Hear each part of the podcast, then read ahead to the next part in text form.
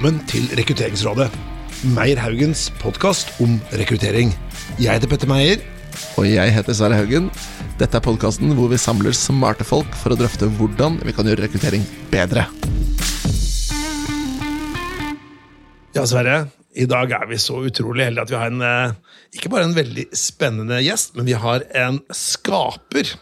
Ja, og vi har faktisk en skaper som vi blir minnet på hver dag når vi kommer inn på kontoret.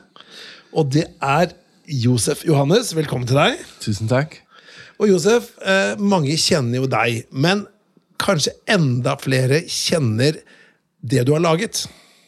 Ja, det, det kan godt stemme, det. For du er jo da skaperen av superhelten The Urban Legend. ja, stemmer. Og for de som da ikke har hørt om The Urban Legend, hva er det for noe? Um, The Urban Legend er en uh, svart supre som jeg skapte på min rundreise rundt i Afrika. Um, jeg reiste da i uh, 2010, faktisk, rundt flere afrikanske land. Um, og der så jeg så mange barn der nede som ikke hadde noen positive rollemodeller å se opp til. Og så tenkte jeg at um, hvorfor ikke skape en super som kan stå opp for dem, snakke for dem, og samtidig vise dem veien til et bedre liv. da. Så derfor lagde jeg da en super basert, inspirert av de barna jeg traff på i Afrika. Så The Urban Legend er en rollemodell. Ja, jeg, ja, han er faktisk det. For det jeg la merke til var at Barn i Vesten alltid har hatt luksus med å ha superhelter som Batman, Spiderman, Hulken, mens barn i Afrika har alltid kun hatt to typer forbilder. Enten er det idrettsutøvere eller musikkartister. Så jeg så et vakuum der. og Hvorfor ikke lage en svart super som kan, de barna kan relatere til? Men, men jeg vil jo tro da, det, det første noen vil tenke der, ja, hva med The Black Panther? Han Er ikke han liksom svaret på dette? Jo, men han er konge. Han er litt mer Ah, Hva skal jeg si Far out, da. Men No nå- disrespect, da. Men, Ja, ja. men uh, Urban Legend gjorde han veldig menneskelig, veldig jordnær. Oppkalt etter Malcolm X, Nelson Mandela. Så har hatt et mer humanitært uh, perspektiv på det da også, da. Ja, for en, en morsom digresjon her da, det er at Hvis du ser på folkeeventyrene Nå skal ikke jeg dreie ned det, men 'Tusen og en natt' fra, fra liksom Midtøsten versus eh, de norske folkeeventyrene Asbjørnsen og Moe. 'Tusen natt' er jo ofte om en prins, om en konge, sånn som The Black Panther. Riktig. For det var lagd for de rike! Ja. Historie for de rike. Mens folkeeventyrene i Norge det var jo Askeladden. Det var fattiggutten som slo seg opp til å bli rik. Riktig. Så dette er en norsk Ja, svart så det er med Askeladden. Dette Ja. er en tusen. Men du, Vi skal prate veldig mye mer om superhelten The Urban Legend etterpå. Men for å bli bedre kjent med deg, da, Josef eh, eh, Passion det er noen spørsmål vi har til alle gjestene våre. Og hvis vi hadde truffet hverandre i en sosial sammenheng, og jeg skulle spurt deg, eh, Josef, ting som er utenfor jobben, da, hva er liksom, hvor får du masse energi å prate om? Hva er liksom, kanskje sånn guilty pleasure? Et eller annet som du tenker, å, Dette kan jeg prate om en hel kveld. Hva skulle det vært? Uh, sosiale ting. Uh, idrett, kunst. eh, film, underholdning. eh, ting, personer som har skapt historie med livsverket deres. Det, Men det, var finner jeg veldig Ganske bred palett du legger opp der, da. Ja, Kunst ble kanskje litt for mye. og sport. Hva slags idrett, da? Eh, fotball. Støtter Barcelona, jeg vet du. Great. FC Barcelona. Ja, men, og, øh, Er det lov å si at du fikk oppdrag fra dem? og du har fått Ja, um, ja, det går fint, det. Um, jeg er stor Urban Legend-fan, det er jeg også. Nei, jeg sto Barcelona-fan, så i 2016 så ble jeg invitert ned til New York for å treffe dem. Og da var det snakk om å gjøre samarbeid, og da spurte de om jeg kunne lage maskotten deres. da. Til FC Barcelona. FC Barcelona. Ja. Så da var det inn der, møte, og så sa de vi har styremøte. Uh, du har åtte dager på deg. Til å lage maskotten? Ja, klarer du det, sa de litt sånn, veldig sånn Ja. utfordrende. Jeg tenker, ja, sa jeg. Og da gikk jeg ut der, og da gikk jeg, da jeg gikk derifra, ble jeg litt sånn, litt sånn småskjelven, men litt sånn, wow, ok, åtte dager. Da var den New York-turen over og ut, for da var det bare jobb, så da var det opp og satt hele natta og gjorde masse research, og det ene og det andre. Men de likte det veldig godt, men så har det ikke gått videre, siden det har vært mye interne ting der, og det ene og det andre. Men jeg følger opp. Ja, så, Men i hvert fall personer som har betydd mye for altså Det er jo Nelson Mandela vet jeg er en, øh, viktig for deg. Malcolm X. Personer som da på en måte har kanskje jobbet med dette med sosial rettferdighet og få folk til å bli, bedre sted. Ja. Hva, hva med de som har gjort det motsatte? Altså sånn Hitler og sånn, Er du like nysgjerrig på hva som tikket Jeg har lest veldig mye om uh, disse gale, onde menneskene om andre verdenskrig, men så har jeg så studert hvor det gikk galt, da.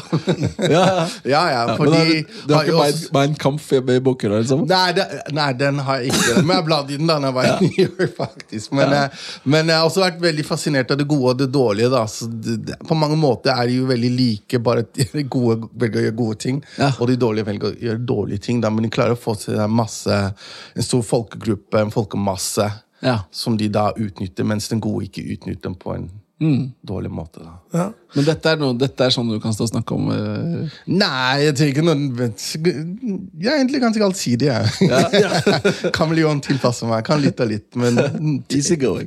litt flere Det er enkelte områder som jeg uh, finner mer interessant. Da. Men, vi- men, vi har litt dilemmas, Sverre? Eh, ja, og jeg, men jeg tenkte du skulle få lov til å introdusere dilemmasene i dag, Mette Petter. Ja, men det kan jeg godt gjøre. Du, ehm, Vi har jo da en tradisjon eh, i, dette, i Rekrutteringsrådet, så har vi dilemmaene. Og da er det tre spørsmål, eller tre dilemmaer, som du er sånn egentlig ja og nei på. Og så uh, sier vi bare eh, dilemmaene nå, og så skal du svare på det på slutten av sendingen. Okay. Og dere som lytter, kan jo også tenke hva hadde de svart hvis de var i samme sko som deg? Ok. Eh, første dilemma er når du skal utvikle da en en eh, superhelt, da, eller du skal gjøre noe innen kunst og kultur. For tema i dag er jo gründervirksomhet innen kunst og kultur, og også storytelling. Det er liksom backdropen her, da. Så eh, det er et ganske stort sånn sosialt aspekt ved The Urban Legend. Men så er det også business.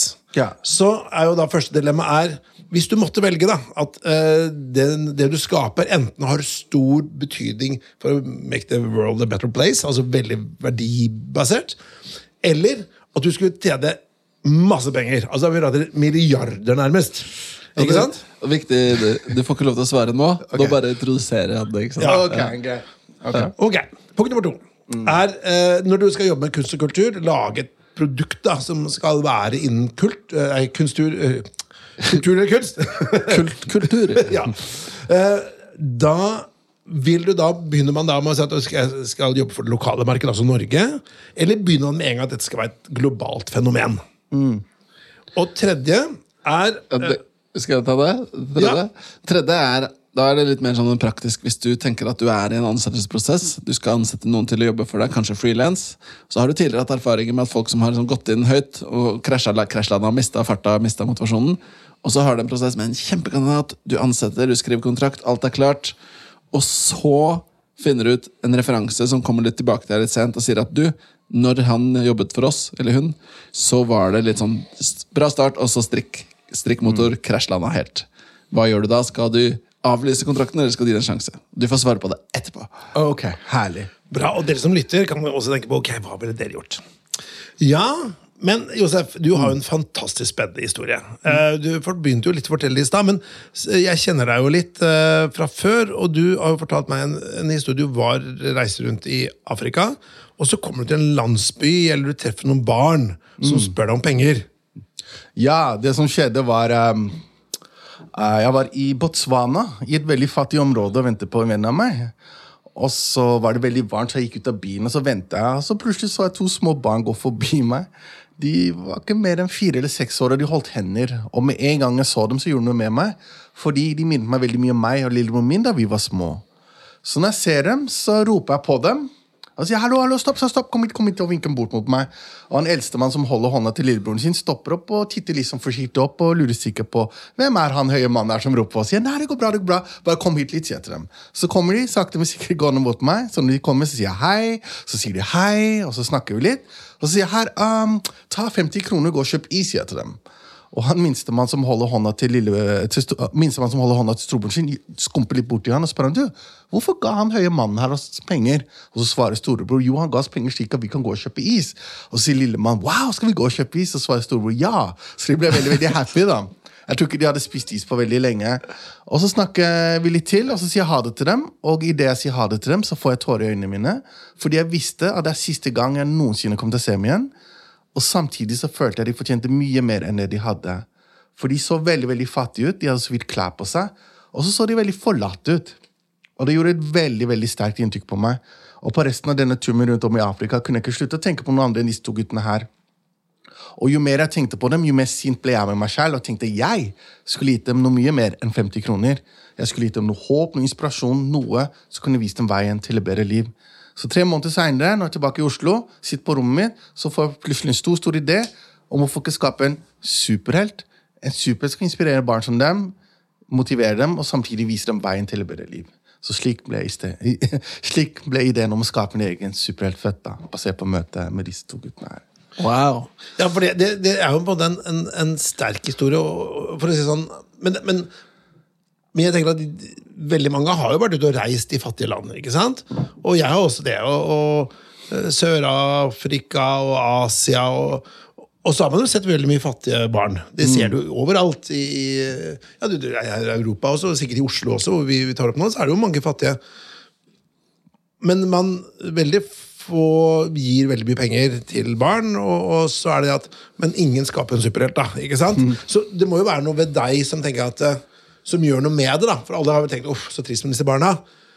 Og kanskje føler litt på det, men man gjør ikke noe mer med det. Hva var grunnen til at du liksom gjorde noe med det? da, tror du?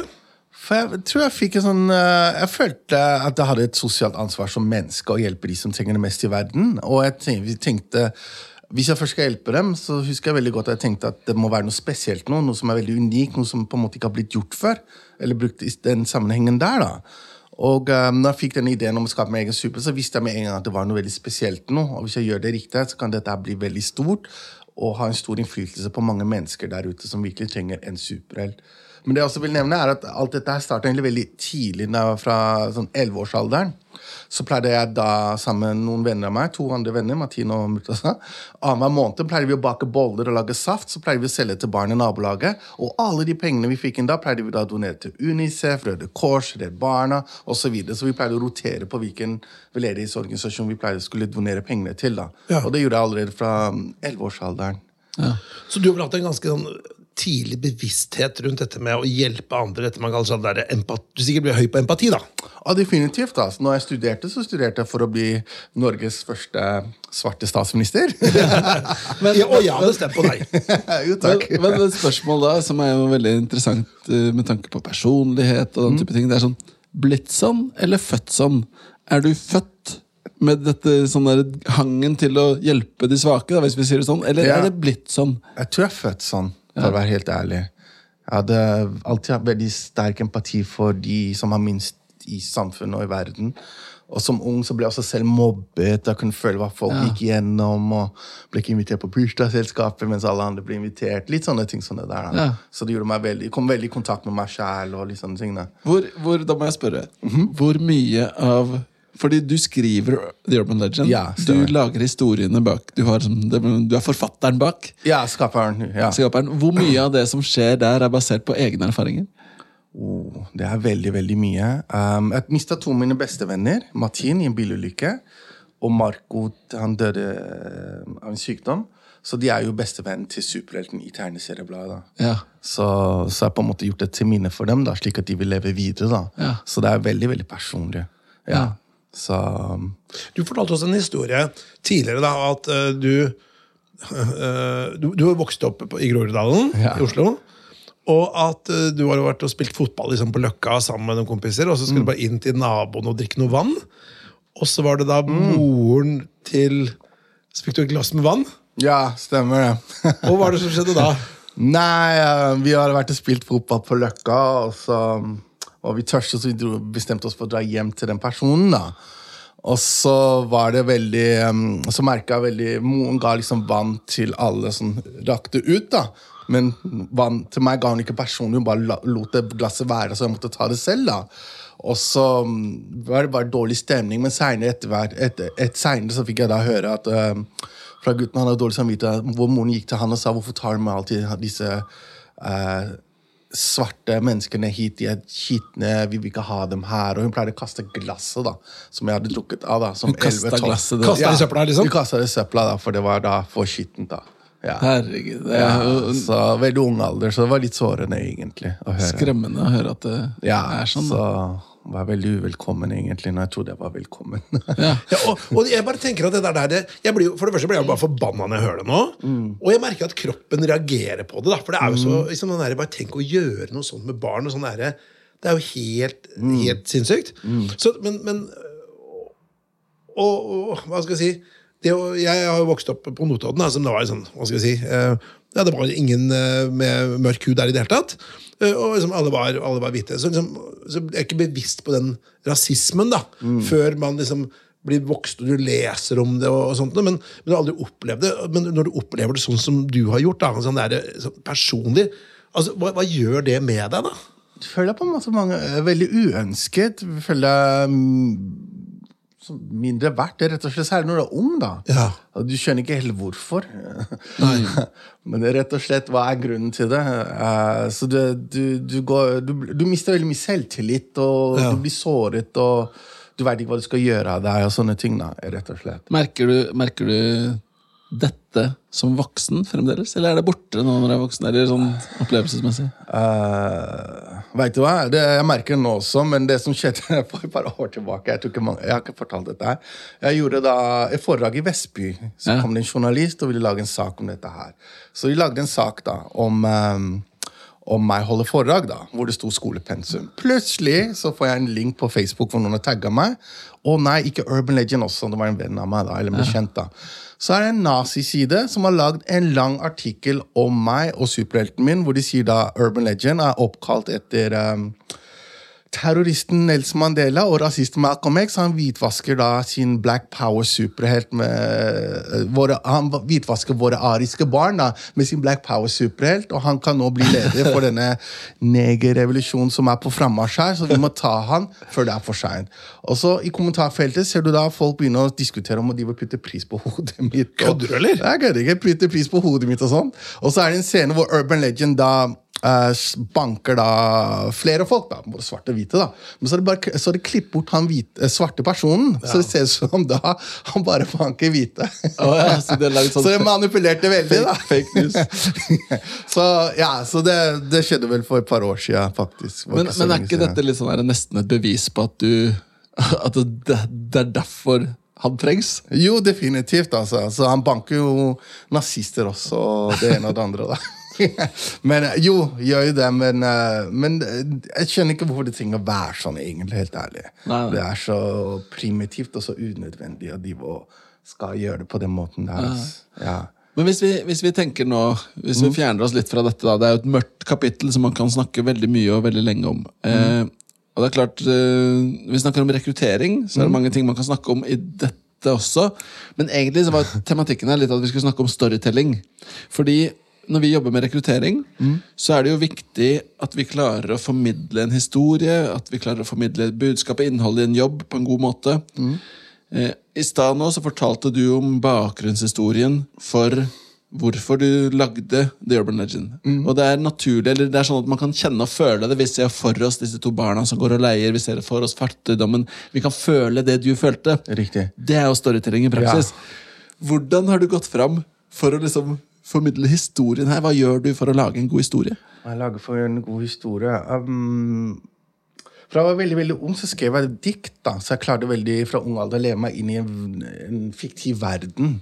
Så når jeg begynte å skrive historietelling, så var det veldig, falt veldig naturlig for meg. egentlig. Og jeg visste fra dag én hva slags superhelt jeg ville lage. Jeg ville lage en veldig menneskelig superhelt med menneskelig historie, hvor mennesket er i fokus osv. For han har, ingen, han har ikke noen superkrefter. Ingenting, Det er ikke sånn som Supermann som kan fly eller se gjennom vegger. eller sånt. Han, Nei. er, han er en lærer, ikke sant? Han er lærer, men Ja. han er eh, sånn som Batman har ikke noen superkrefter. Nei, Batman heller. Men Batman har tech. Ja, men han har bruker hodet og motet sitt til å overkomme disse utfordringene. Og det er liksom det jeg vil at folk skal gjøre i, sitt hverdag, i, i, sitt- i hverdagslivet, da, rett og slett. da.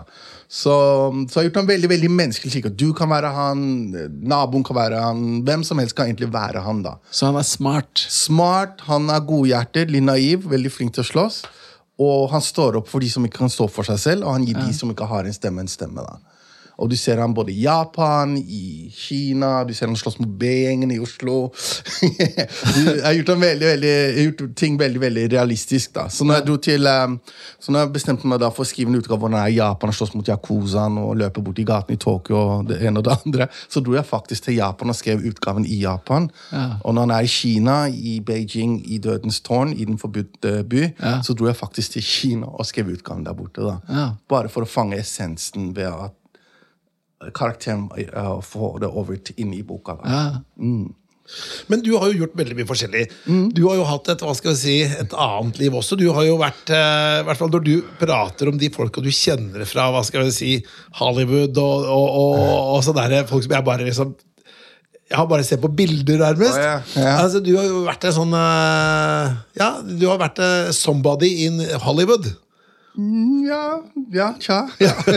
Men fortell litt om det. i hvert fall Utelivsbransjen har jo med. Ja, um, jeg startet med var, Jeg var en av de største på events i Oslo back in the day, når jeg var veldig veldig ung. Uh, innenfor urbanmusikk. da. Så det førte til at jeg jobbet da med 50 Cent. da. Representerte 50 Cent og hans um, gruppe her i Oslo, eller faktisk Skandinavia. Og det førte til at jeg begynte å jobbe og treffe artister som Rihanna, Kanye West, Jay-Z, Nas, The Roots, Sean Paul. Hang med Wesley Snipes og mange av disse Det er store bare Mange, mange, mange. mange. Wu-Tang Clan, det er mange. Det er Dette er jo spillelista vår, dessverre. Det var bare få hvite artister der, da. oh, ja. eh, ja, det er hiphop, da. Ja, hiphop, Ja, men vi elsker, jeg, elsker hiphop. Og når vi starta Meyer Haugen, da, så satt vi liksom et lite kontor. Og da satt vi liksom ofte hele natta og lagde websider, og, sånt, og da satt vi og, ja, mye tung rap. og da var det nettopp de du sier. Det var 50, det var Nas, det var liksom Ja, det var den gjengen der. Og vi bare sånn, jo tyngre, jo bedre. Og så Ja, ja. vi drakk whisky og, og skrev på nettsider. så det var Ja, men det er veldig mye bra folk. Ja, absolutt. da. Så jeg jobba med disse her uh, i ca. åtte år. da. Ja. Så jeg var farta veldig mye til New York. Jeg tror I løpet av tre år jeg dro til New York kanskje 30 ganger.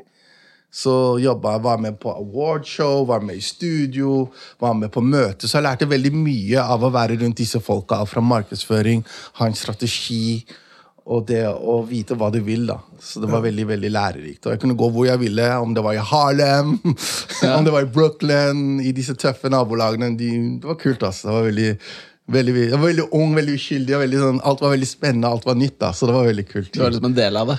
Ja, ja, straight up. men, men jeg tenker at det, la oss si at øh, Hvis det er noen som sitter og hører på nå, så tenker jeg at de har en kulturidé. da, En idé innenfor De skal skape enten et eller annet innen kultursektoren. da. Hva er liksom dine beste råd hvis det sitter en en, øh, en ung foretak foretaksom person som oh, jeg har en god idé, jeg vil gjerne utvikle dette her. Hvordan skal de gå fram i en tøff sektor? Um, jeg tror de først og fremst må vite hvilken sektor de, hva den sektoren de vil inn i, er. Hva det dreier seg om. Uh, lese om suksessfulle mennesker som har slått seg gjennom i den sektoren. Så må de vite hva de vil. da. Så i mitt tilfelle så måtte jeg ta Wow, det var så mange avgjørelser. Det er greit at du har en idé, du er full av optimisme og du er full av motivasjon, og det ene og det andre, men du må liksom vite hva du vil til syvende og sist, og gå mot den retningen. da. Og det er masse masse valg du må ta fra dag én. Som eksempel, Skal dette være en lokal superhelt, en nasjonal eller global? Og Jeg visste da fra dag én at jeg vil nå ut til hele verden, så dette må da bli en global superhelt. Og så må du bygge karakterene opp. da. Skal han være lærer, skal han være en brannmester, skal han være politimann, skal han gå på Nav? Det er masse masse sånne småting, så du bygger det opp. da. Så blir det på en måte som et puslespill. Og en av, de to, en av de første tingene jeg gjorde, var å trademarke denne superhelten. Det er veldig viktig, så til alle dere ute, beskytt arbeidet deres. Ja. Får de copywriter, får de trademark, Er det varemerkeregister? Ja. Gjør det. Så jeg fant en advokat i New York og uh, gjorde det. Det var dyr, det var ikke billig, det var veldig dyrt, men fant uh, det var veldig viktig for meg å kunne registrere navnet og um, varemerket og copyright. Da. Så først fikk jeg avslag, så anket vi, og så fikk jeg det gjennom. da. Så, Fordi det, Han heter The Urban Legend. ja, så det er egentlig veldig sånn vandrehistorie. da, ikke sant? Ja, så det er veldig sånn allmenn, da. Ja. Ja. Så, så Er det en del av storyteorien? Liksom, at uh, historien om The Urban Legend? Ja, sånn Jeg kjenner er- meg jeg må lese disse tegneseriene. Ja, de er kjempebra. Og datteren min Mari, da. Hun er, har jo lest disse bladene her de siste par-tre årene. Nå er hun blitt ti år denne måneden her. Og hun, eh, når hun bare når jeg fortalte at jeg kjente deg, så ble hun jo bare helt Kjenner du, liksom? Det er jo, hun synes det er helt fantastisk. Så jeg har fått noen signerte blader av deg opp igjennom, og det er jo, liksom, de har blitt lest i filler, altså. Men det er, ikke, det er jo veldig bra materiale. Ikke sant? Det går jo på klima, altså sånn at du skal liksom, ta vare på jorda, det går på dette med antirasisme, det går på dette med eh, at du, Mobbing, om ebola, jenters rettigheter. Så nå i dag er det skolepensum i, i Norge, Sør-Afrika, Kenya, Eritrea, Brasil, Danmark og Canada. Altså, pensum. Skolepensum, ja. Så de lærer om det. da. Så jeg har holdt foredrag nå. Uh, holdt for kronprinsparet. Jeg holdt uh, foredrag i India. jeg ble invitert til India, holdt foredrag der. South by Southwest. eh, holdt i Brasil, i Sao Paulo, i Johannesburg, Sør-Afrika, Eritrea, London, på Bet Show. Så jeg har holdt foredrag. Så jeg er veldig ettertraktet som foredragsholder. da, så holder foredrag hvor jeg gir litt business tips om det å starte en idé, kommer med, finne opp en idé, så får det ut i verden. da. Så det som, og så er det alltid veldig viktig å huske til alle gründere ute at motgang er en del av hele reisen og prosessen, og at man ikke må gi opp selv om man da får avslag på avslag, slik som jeg fikk i begynnelsen. da. Så når jeg særlig holdt på å lage en superhelt og tok kontakt med alle eh, forlag og distributører, alle lo seg i hjel. Folk trodde, Jeg trodde plutselig at jeg hadde blitt standup-komiker. Alle lo seg i hjel.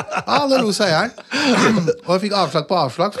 Folk slang igjen døra foran ansiktet mitt. Og jeg så til slutt ingen annen utvei enn å dra til et sted hvor det er én million ganger vanskelig å slå igjennom. USA. Så jeg dro til USA. Og plutselig en måned før avreise skulle du ta til Comic-Con da, med utgave 1 og utgave 2. Det var siste sjanse. Alle lo seg i hjel. Ingen hadde tro på den. Og jeg visste at dette var den store og siste muligheten min. Plutselig en måned før avreise ringer NRK meg ut av det blå. Filmbonanza. Sier hei, er dette Josef Johannes? Sier ja. Er du som skapt superhelten Urban Legend? Sier ja. Du, vi er veldig fan av superhelten din, og vi har hørt at du skal til USA og prøve lykken der du, eh, borte i USA.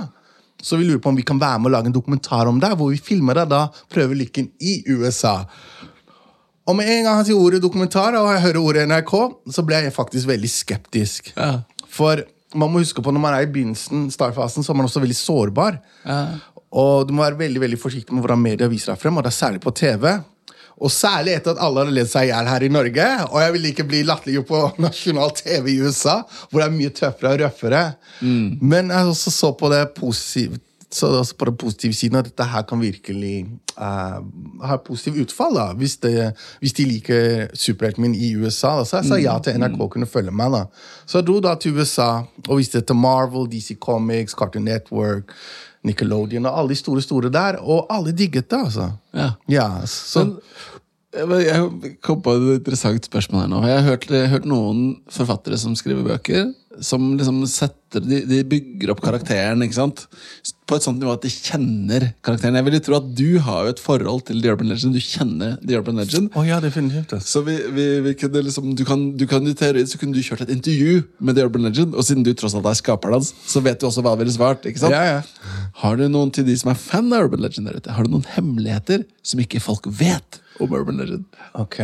Um, jeg liker ikke bananer. Han liker ikke bananer.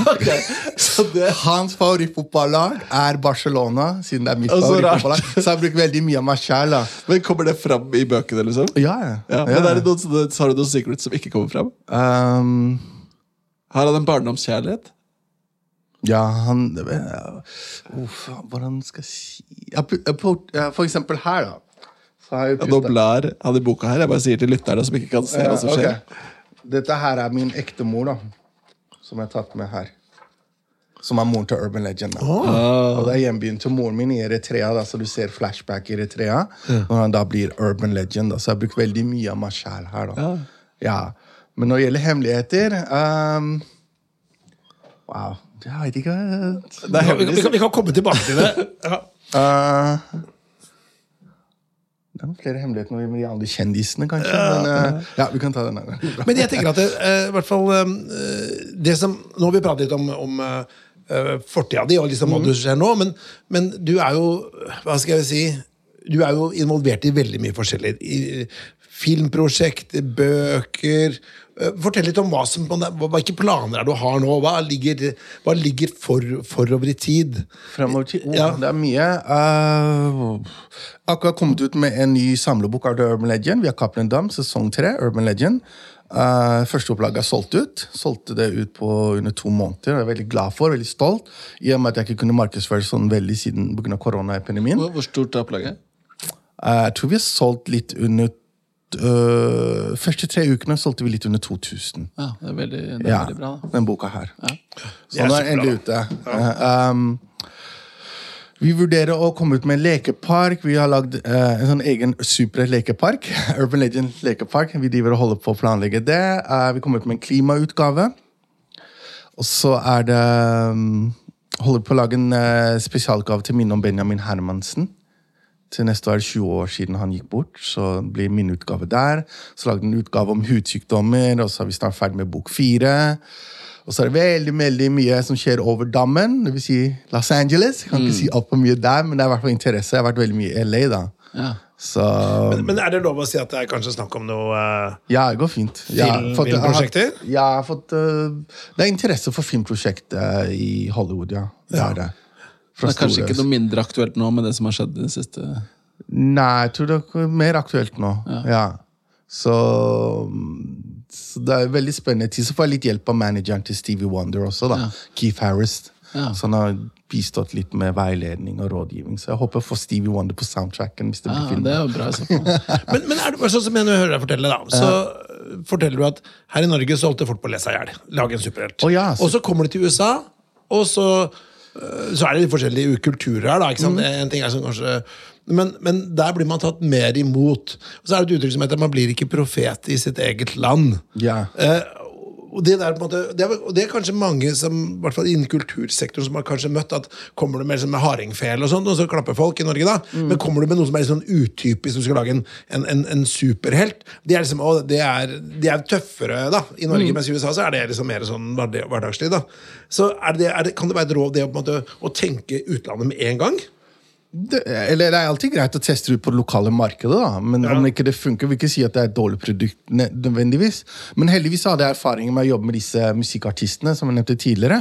Så jeg visste at i USA, når de ser en ting er bra, så ser de kun én ting. Det er bare penger. da. om du har et sosialt budskap, ja, det er kult for imaget, men til syvende og sist er det båndlinja, er det- så er det penger. da. Så det som skjedde i USA, var at jeg fikk tilbud fra tre eller var det fire, jeg tror det var fire ulike forlag, både store og små. Jeg valgte å gå for et mellomstort forlag. Og så var det ti måneder med forhandlinger. De ville ha rettigheter på alt. Jeg ville ikke gi dem rettigheter på alt, så det var masse frem og tilbake med eh, advokater. Etter ti måneder signer jeg avtalen, og to måneder senere ringer han meg. Sier du Josef, superhelten i The Urban Legend, har tatt helt av i USA. Folk ringer inn til oss og vil bare ha mer og mer og mer. Og gjett hva som har skjedd nå? Nå har superhelten i The Urban Legend blitt stripe i USAs største avis, USA Today, med mer enn 70 millioner lesere i måneden. Wow. Det er helt sinnssykt. Og den ble valgt ut, Urban Legend ble valgt ut med andre superhelter som Batman, Spiderman, Hulken, Avengers og Captain America. Og det var den eneste superhelten som ble valgt ut som ikke var en del av DC og Marvel. da. Comics. Så nå begynner alle i underholdningsbransjen å spørre hverandre i USA hvem sin nye superhelt dette er sin. Er det Marvel sin nye superhelt eller DC Comics sin nye superhelt. Og jeg sier nei, ass, det er ingen av dem, det er bare meg. Det er bare ja. Det er ja. Så der var det mitt store gjennombrudd. Så da fikk jeg henvendelse fra Big Bang Theory, jeg fikk henvendelse fra de tredje største merchandise-selskap, fikk henvendelse fra spillselskaper. Og dette her skjedde det var voldsomt voldsomt trykk. Og så fikk jeg også henvendelse fra et stort filmselskap her i Norge som ville kjøpe rettighetene til superhelten min. da, filmrettighetene. Men vet du hva? jeg takket nei til alle.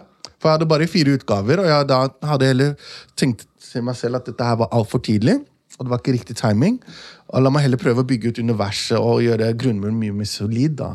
Så det er alltid viktig å ha en grunn, solid grunnmur og ikke alltid løpe etter pengene. Så på det tidspunktet er det fire utgaver, nå er det 38 utgaver. da, Så nå er universet mye mer stabilt. da. To spørsmål. Ja. Er det i du sier byggeverden, er det liksom i den virkelige verden? Det foregår, Du har nevnt Tokyo, du har nevnt Oslo. Så Ja. det skjer liksom Universet er på en måte vår verden. ja, så når du ser han er i Oslo, så ser du gaten av Oslo. da. Ja, og og Stortinget og- ja. Frognerparken og... Ja, Japan og Tokyo også, for jeg var jo der, tok bilder. og... Ja, Og spørsmål nummer to. Ja. Har han en erkefiende? Han har mange! han har mange. Han Han har, kranglefant, så... han har Bay-gjengen, han har Yakuzaen, han har Young Evil, eh, La Madrina Han har mange. all the bad guys. All the bad guys. Og Real Madrid, sannsynligvis. Definitivt. Vi skal Barca. Yes, du, Da skal vi løfte blikket litt. grann. Eh, og da er det, Dette er en rekrutteringspodkast. Eh, vi har prata litt om det, hvordan eh, man skal jobbe da med å slå gjennom som gründer innen kultur- og kunstsektoren. Men vi skal løfte blikket, Sverre. Yes, og Da skal vi snakke litt om rekruttering og høre ditt perspektiv på rekruttering. Nå vet jeg ikke hvordan, Du skal jo også ansette folk, og kanskje du også har vært i jobbsøkprosesser selv. Du har i hvert fall vært i prosesser hvor du må liksom godkjennes eller ikke godkjennes. Og spørsmålet er, Hvis du kunne løftet blikket nå og sett på rekruttering som helhet, og du kunne knipse fingrene og fikse ett problem, eller gjøre noe bedre i rekruttering, hva skulle det vært? Hva det skulle ha vært? Jeg mener at um, det du har studert, og det du har som dine credentials, uh, må matche med personligheten og hva det yrket du går inn i, også matcher, da, rett og slett. da. Verdiene, syns jeg Jeg vet ikke om det er riktig svar på spørsmålet. Ja, så at, hvis man, at man skal bli bedre på å få til en match mellom de? Ja, jeg, jeg syns det. Særlig innenfor det, for det jeg driver med. da. Ja. For eksempel, Jeg hadde skrevet manuset, brukt et år, og så måtte jeg finne en tegner. da. Så jeg gikk inn på en veldig kjent tegneserieside for tegnere. for å rekruttere en tegner. Så la jeg ut en annonse hvor jeg skrev dette her. Hei, mitt navn er Josef Johannes. Jeg har skapt verdens nyeste superhelt. Jeg ser etter en fantastisk tegner som vil være med på en unik reise som han eller hun aldri vil få muligheten til å være med på. Så hvis du er interessert, ta kontakt. Sånn rekrutterte jeg min tegner. Så fikk jeg tegner fra 26 ulike, 26 ulike tegnere fra hele verden. Men mange av dem var veldig, veldig dårlige. da. Var ikke, var ikke på det nivået jeg så etter. da. Så jeg, møtte jeg Steve, og så sa jeg til Steve Nå har du muligheten til å være med og skape historie. Jeg vet ikke om du har barn, men barna dine kommer til å være så stolte over at du har vært med på noe så unikt nå som denne superhelten Du gikk ganske høyt ut. da, Rett ut! Høyt. Og jeg tror han likte det egentlig, for jeg hadde ikke noe track record. Og han har jobbet for Disney, Sega, Xbox og mange av de store selskapene. Men jeg tror han likte energien min og likte konseptet, så han sa I'm in. Altså. Og da The rest is For dere har jobbet sammen i mange år. Ja, fra dag én. Han det- spiller like stor rolle i dette her. For uten han så hadde ikke det vært så stort som det er i dag. Ja. Og jeg har jo truffet han. Ja, stemmer det. Ja, så det var på, eh, det var på eh, Fredssenteret i Oslo. Ja, Urban Legend Ja, og da han. Og, ja, og sønnen min Mathias har jo også truffet han. Og han i hvert fall har tegna inn en fyr som ligner veldig på sønnen min. Mm. Ja, riktig. Stemmer det.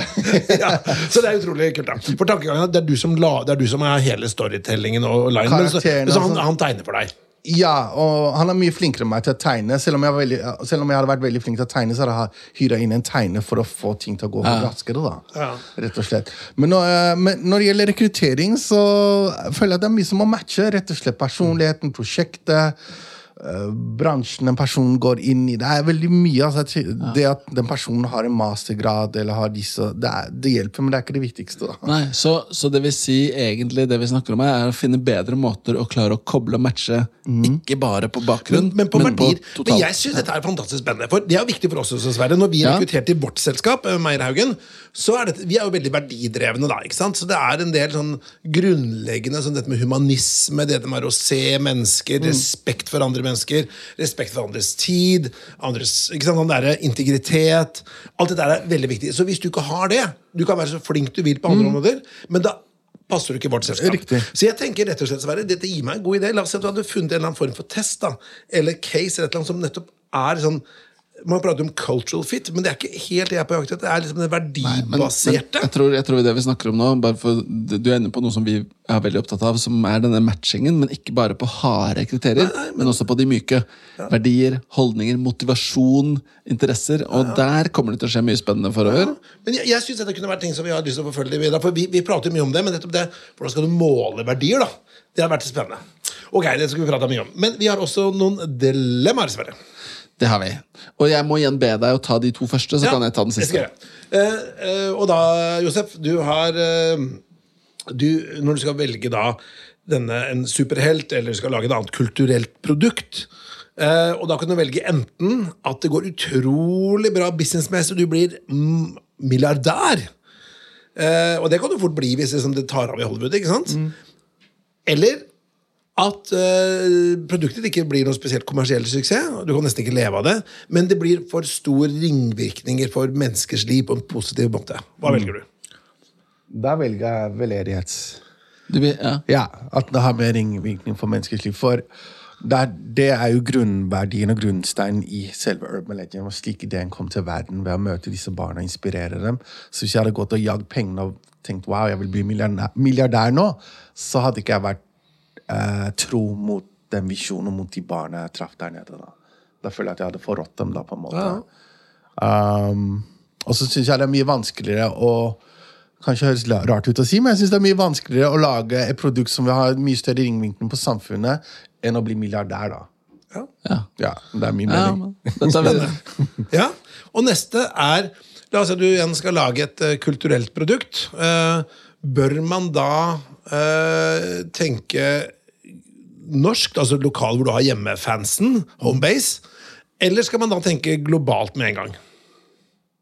Jeg tenker det er alltid greit å teste det ut lokalt, der hvor du er og kommer fra. Uh, men så kommer det også an på ambisjonene dine og hva målet ditt er. da. Om du vil gå globalt, eller du vil holde det nasjonalt, eller lokalt. da. Jeg valgte globalt, for jeg har lyst til å nå ut til hele verden med superhelten min. Så det er liksom det som jeg har tatt som utgangspunkt i når jeg jobber med superheltene. Om jeg skriver historier eller promoterer den, osv. Og siste dilemma, Sverre. Siste dilemma.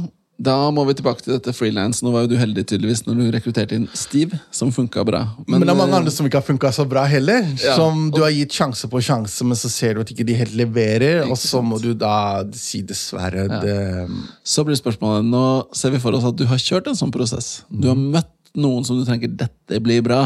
Så du skriver en kontrakt, og så er det liksom litt tid, en måneds tid før de skal starte opp. Eller den personen skal starte opp. Og så får du da en venn fra LA. La oss si at det er ikke Old Dirty, for han er vel død, men ja, ja, Eddie the in Bootang. Clad Ja. som sier Du, han her har jeg jobba med før, og da var det Jeg bare sier fra. Mm. Da var det litt sånn Han starta bra, men så mista han helt piffen. Dette tror jeg ikke noe på. Mm. Hva gjør du da? Jeg hadde gitt den personen en sjanse, men jeg fulgte med på akkurat den Selv om det var The Method Man som kom og sa det, liksom? Ja, men det kan godt være at den personen ikke passet inn under Wu-Tang Clan sin eh, business model, da, for å si det sånn. Men hadde jeg først møtt den personen og gitt den personen en kontrakt, da, og um, så må det ha vært noen kvalifikasjoner jeg hadde likt ved den Stick personen. to your guns. Ja, og så hadde jeg vært litt mer oppmerksom på den personen og følt litt nøyere med. Men jeg hadde definitivt gitt den personen en sjanse. Hvis det ikke hadde vært noe skikkelig, skikkelig Ja, fordi, fordi det er jo et viktig poeng også, Petter, i forhold til rekruttering i vår, vår verden. Veldig mye handler om kontekst. Og det er klart Om du er god til å følge opp, om du passer litt ekstra på, så er jo sjansen også større for at han eller hun lykkes. Ja. Men så er det også et annet aspekt her, aspekt her for ofte så får jo vi, i hvert fall når vi jobber med rekruttering, så er de aller fleste kandidatene så, så ikke sant, Rekrutteringsmetodikk er jo at øh, hvis både intervjuer og tester og referanser og alt, alt peker i samme retning, så er du sikrere enn hvis det er veldig sprik. da. Men det som en teknikk kan man være at hvis for eksempel at en, du har masse bra referanser med én dårlig, så kan du bare ta det opp med den personen. og Si at du, eh, Jeg bør ikke si hvilken av referansene det var, men altså, eller noen indikerer på at du kan være, liksom, gå hardt ut, og så kan du liksom miste piffen ganske raskt. Hva tenker du om det? Bare utfordre personen med det, da, og konfrontere personen med det på en respektfull måte. da. Absolutt. Eller så kan du legge det opp til at han må svare på det spørsmålet, så kan du se om han er ærlig eller ikke. da. Ja, ikke sant? Ja. Så mange måter man kan gjøre det på. Ja, veldig bra. Skal vi gå inn for landing, eller? Det må vi gjøre. Men du, Fantastisk spennende å ha deg her i studio, Josef. Tusen takk for og det å ha meg for de av dere som da har fulgt eh, Urban Legend tett de siste årene, så er det bare keep following. Og for de som dere har tenkt ok, Urban Legend, hva er dette for noe? Check it out. Eh, Det er eh, Gå inn på Urban Legend på hjemmesiden din. Uh, TheUrbanLegend.no. Og jeg har et siste spørsmål til deg, Ja. som er kanskje det viktigste av alt. Ok. Hvem hadde vunnet av The Urban Legend og Chuck Norris? Oh, den var tøff, altså. Vet du hva jeg sa jeg pleide å si? Jeg pleier alltid å si Batman, Chuck Norris, Steven Seagal. Alle de der kan ta en curlab, og så kan de stå Urban Legend. Så Urban Legend. Kjempebra. Til og med Kung Fu Panda. Veldig bra. bra svar. Bra svar. Tusen takk til deg. Kjempefint, Josef. Og eh, lykke til videre. Tusen hjertelig. Takk.